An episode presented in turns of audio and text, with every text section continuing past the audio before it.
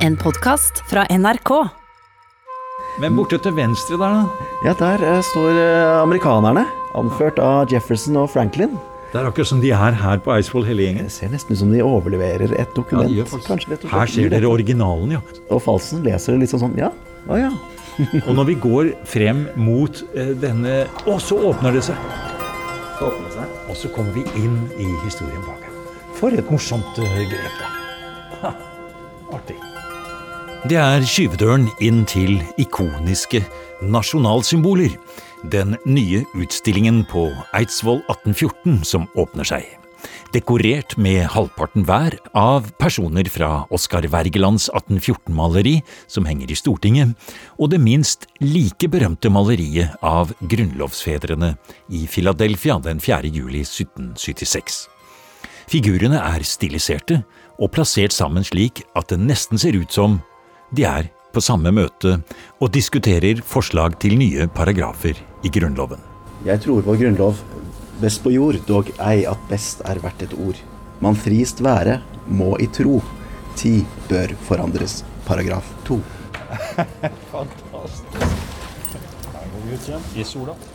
Ordene tilhører dikteren Henrik Wergeland og står, som seg hør og bør, i hvit skrift på inngangsdøren til Wergelands hus på museet Eidsvoll 1814. I dette programmet skal vi også høre om dikterens far, Nikolai, og filleonkelen Oskar. Alle med etternavn Wergeland.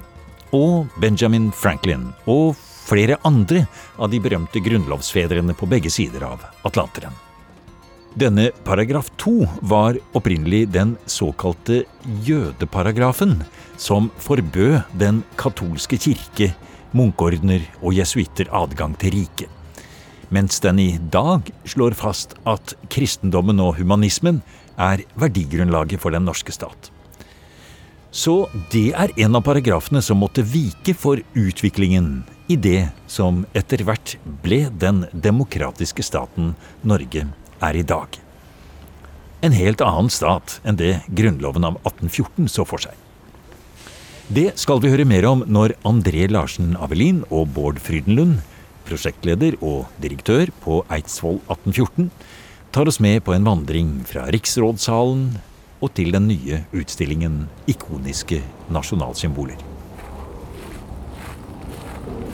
For Det er jo lett å glemme, Bård, at eh, denne grunnloven som vi tenker på som fundamentet for alt vi tenker og skriver og gjør i rettsstaten Norge, det blir altså til i, på en industritomt. Ja, og ikke en hvilken som helst industritomt. Det er jo også selve enevoldsstaten. eh, Den, eh, ja, vi kan gå før eneveldet også, i Christian Quartz. Eh, krigsøkonomi, får vi si. Det, det er, dette ble jo opprettet på 1620-tallet, hvor også Danmark-Norge skulle få sin våpenindustri.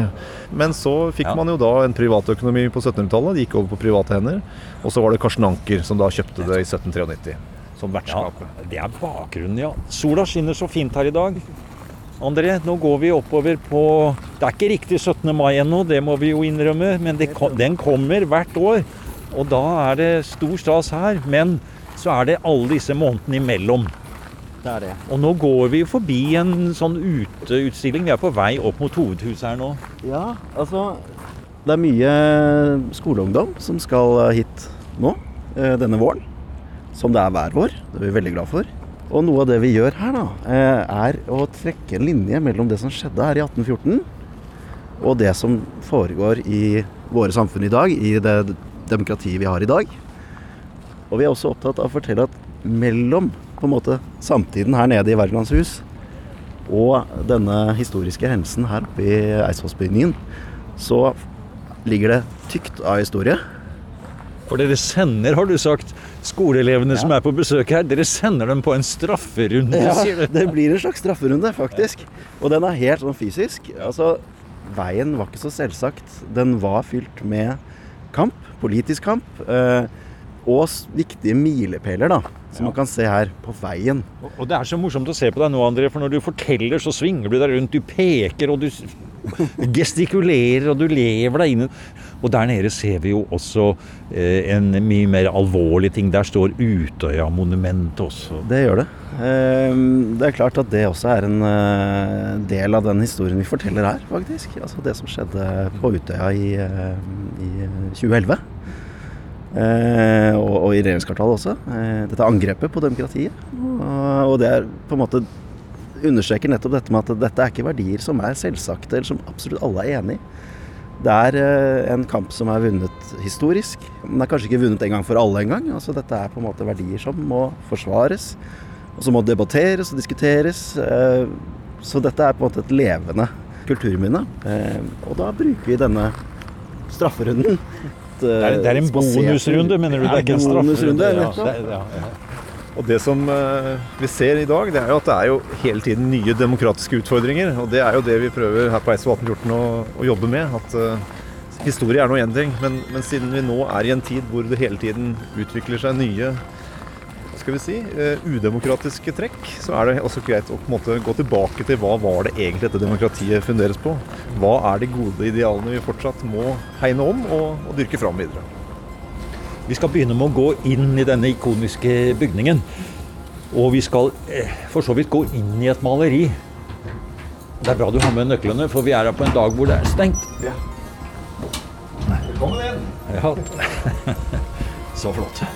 Her kommer vi inn i den foajeen som så mange kjenner. Her ligger det ting vi skal ha på oss på bena. Det gjør vi.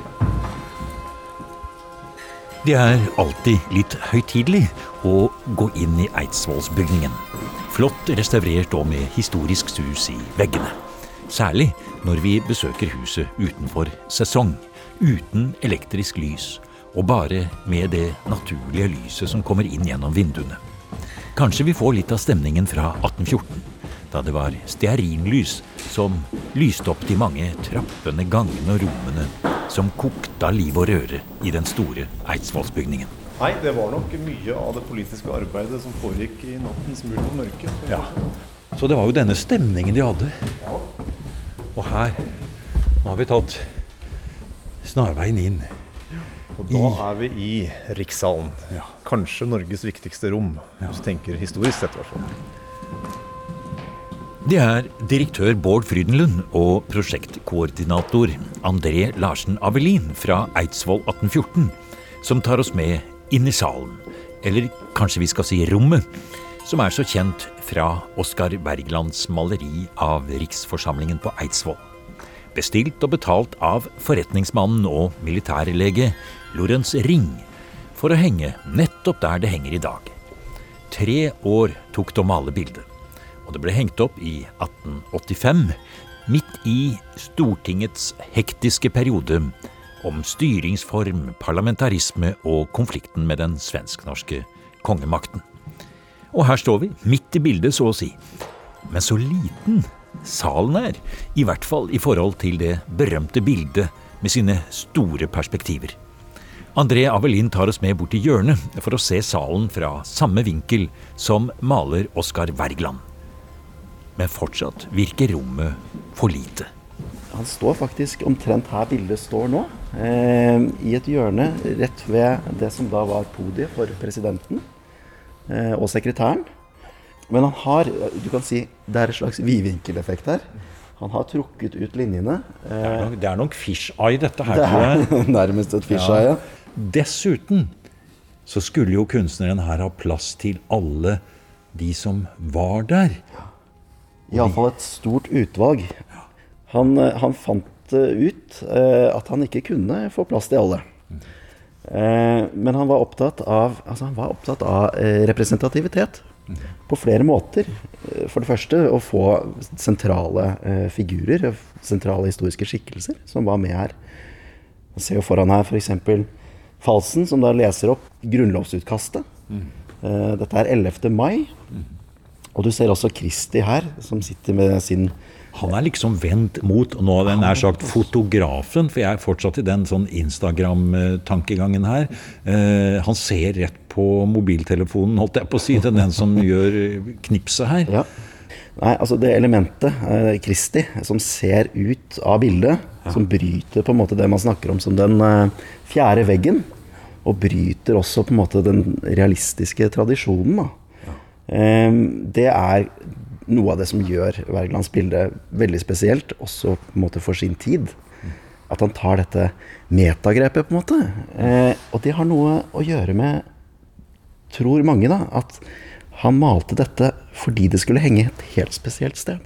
Nemlig i Stortinget. De er malt for Stortinget. Det er malt for Stortinget. Ja. Og det vakre her da, på en måte er jo da at Kristis blikk hviler på eh, dagens stortingsrepresentanter. Og, og, skaper en sånn fin bue mellom det som skjedde her, og det som skjer i Stortinget til daglig i dag. Så det er sånn, Bård, at eh, stortingsrepresentantene som sitter i salen i dag og ser opp på dette maleriet fra det rommet vi står i nå, så møter de blikket eh, her, og så, så, virker det som om bildet sier eh, Dere forvalter nå det vi skapte. Følg med. Ja da, og det er faktisk et, uh, noe vi hører igjen fra dagens stortingsrepresentanter som kommer hit og på en måte føler et eierskap til bygningen og til rommet her, nettopp gjennom det de ser på hver dag, når, eller i hvert fall de dagene de er i, i sesjon. Så, så, eh, det tror jeg fortsatt er med og påvirker dagens politikk på sin litt sånn subtile måte, men, men likevel. At det er, en, er også en del, det er levende bilde i levende, et levende demokrati, rett og slett. Som også kanskje henspeiler til det dokumentet de også laget, nemlig Grunnloven. At Grunnloven også i Norge er et levende dokument. Eh, vi er her inne, Bård, i en, eh, skal vi si, en konstruksjon. Vi er inne i et PR-bilde. Vi er inne i en måte å holde fast et øyeblikk på.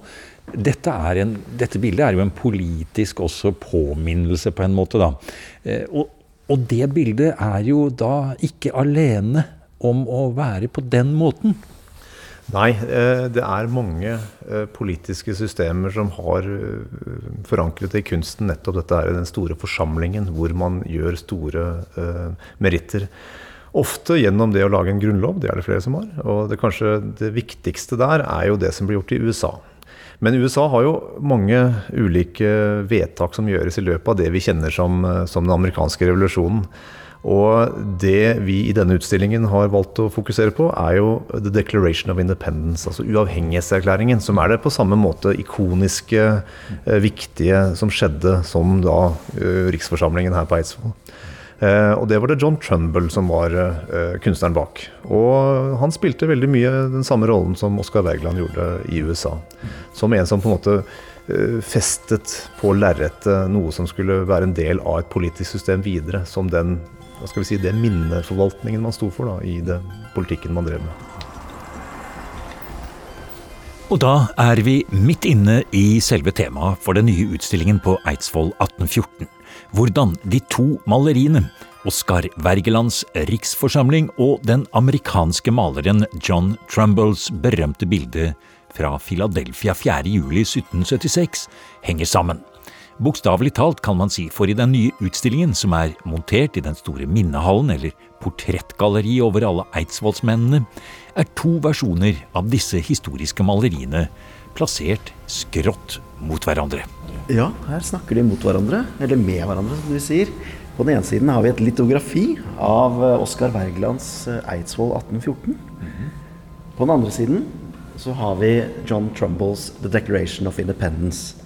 Også det er et, eh, et trykk, det er et kobberstikk etter en gravering av Asher Brown Durand, som da fikk i oppdrag av John Trumbull om å, om å lage et trykk som kunne selges. Det var en slags uh, kommersiell idé her, men det var ikke minst en ideologisk viktig faktor her.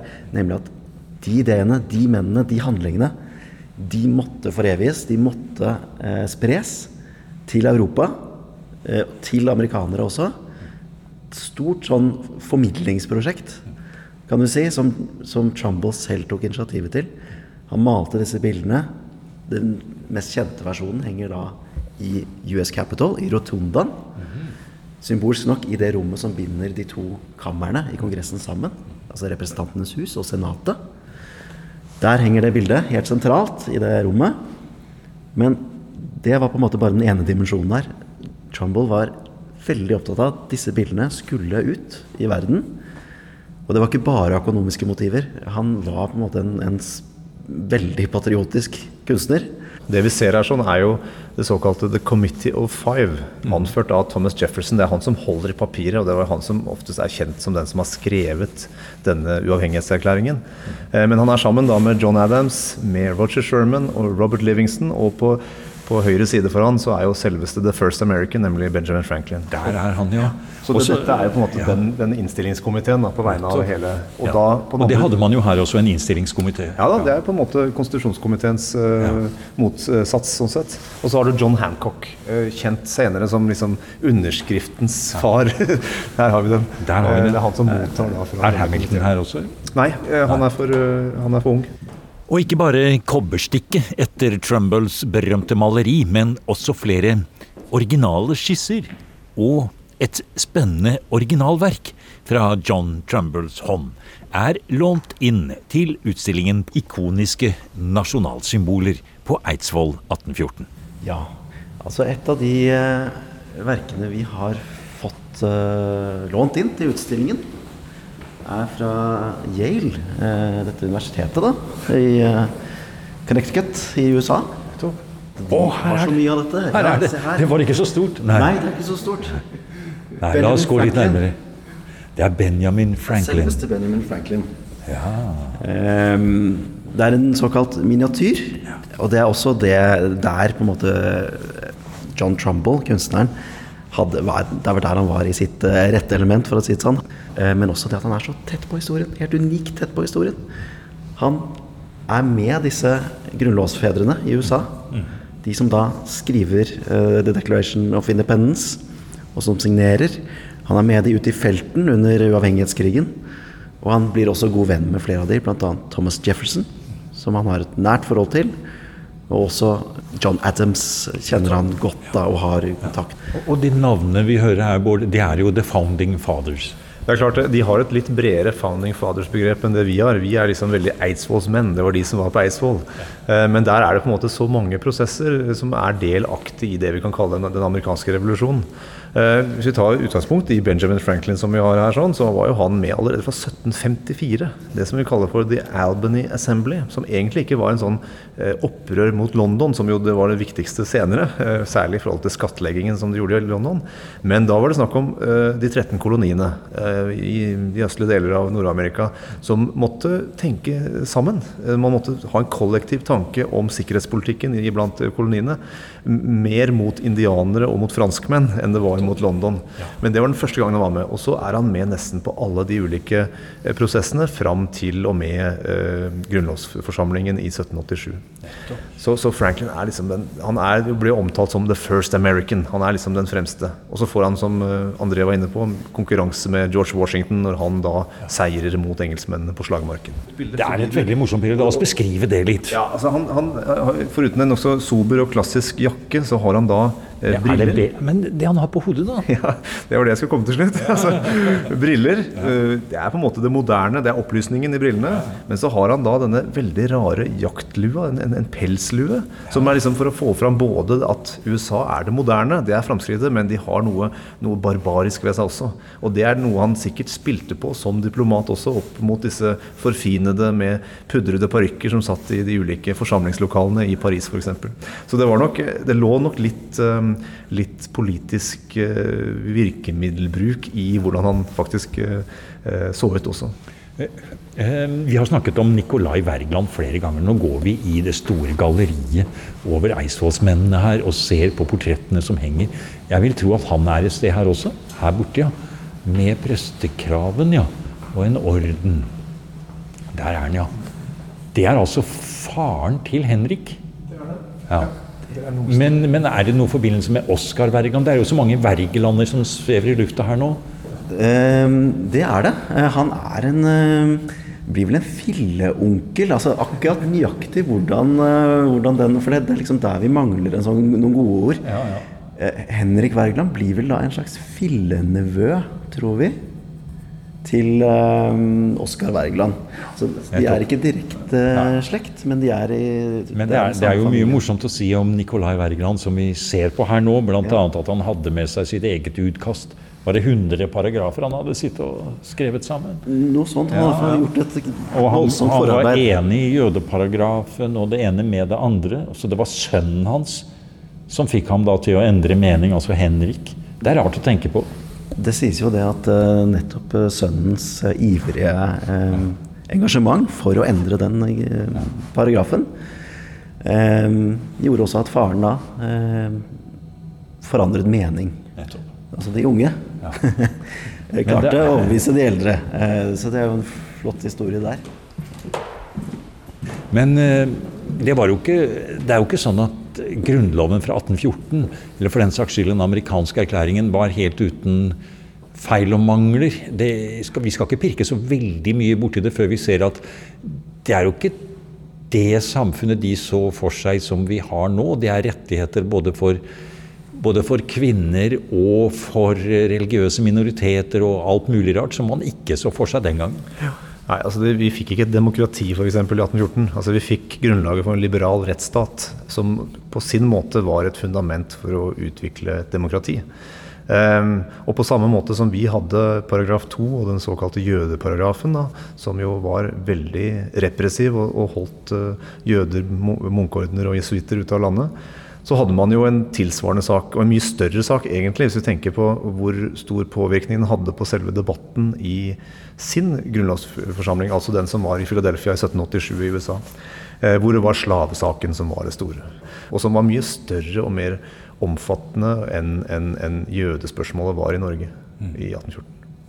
Og så er det jo hele spørsmålet om stemmerett, f.eks., som vi har i den norske grunnloven. Og i USA så vet vi jo hvor stor pris de setter på sin grunnlov. Den, det er jo på en måte hoved... Altså alle diskuterer jo Grunnloven, og Grunnloven er veldig nærværende i den amerikanske debatten.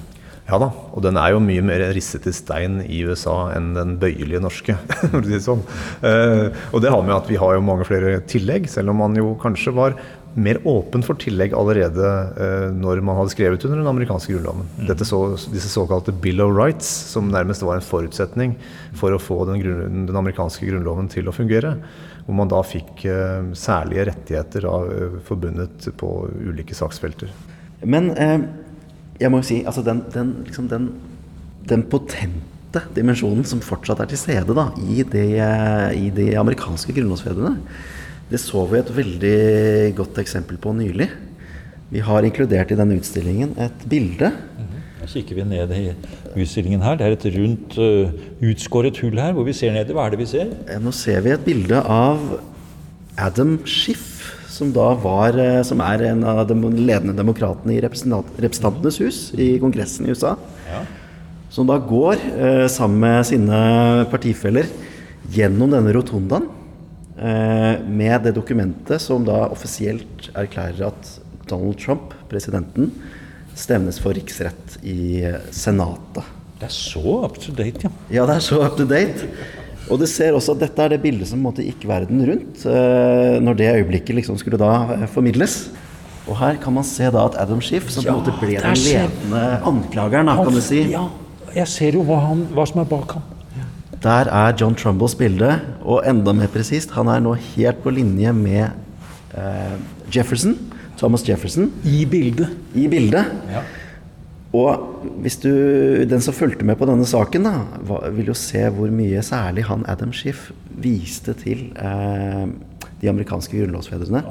Og viste spesielt til eh, Benjamin Franklin. Eh, nettopp for å si dette at det som står på spill her, mener han, er denne republikken som ble sådd i dette øyeblikket med 1776. Fantastisk. Eh, så sånn sett Der så er ser det vi ser vi hvordan det blir brukt en dag i dag. altså. Det blir brukt en dag i dag. Men det, men det som virkelig slår meg her, og det som, det som gjør at denne utstillingen gjør et visst eh, inntrykk, det er altså Utstillingen eh, tar utgangspunkt i ordet ikoner. Altså eh, bilder som får en mye større betydning enn bare det at det er et øyeblikk som er foreviget. Denne sammenhengen mellom USA og Norge. Dere har jo et sånt stort prosjekt på det, både dette med founding fathers på begge sider av Atlanterhavet. Ja, det heter det du sa. 'Founding Fathers Across the Atlantic. History and Legacy in Norway and the USA'. Og vi søker da å se på ikke bare det, det, faktiske, historiske som var, men hva var på en måte det felles intellektuelle grunnlaget for disse to prosessene, som da eh, markerte starten og slutten på det vi kjenner som revolusjonenes eh, tidsalder, sånn rundt 1770-tall til 1815. Um, og, det vi ønsker å finne ut av de midler vi bruker, er jo måte, Dette er et museumsprosjekt, så det er ikke et rent akademisk prosjekt. Men vi, vi går også til forskningen. Vi, vi, har avholdt ulike seminarer som både ser på nettopp hva er det ved disse eidsvollsmennene og founding fathers som vi sosialt, økonomisk, politisk uh, er likheter. Vi ser også på hvilke forhold det har vært mellom USA og Norge helt tilbake til folk, uh, ikke folkevandringstida, det hadde vært veldig, uh, veldig ambisiøst. Ja, Neida, men uh, utvandringen fra 1820-tallet. vi går jo mot et utvandringsjubileum i, 1825, nei, 2025 i hvert fall. men, så vi ser på de norsk-amerikanske forbindelsene siden da og til nå. Eh, vi ser også hvordan dette har vært eh, eh, fundert i kunsten. hvordan det er, som vi Bl.a. gjennom denne utstillingen.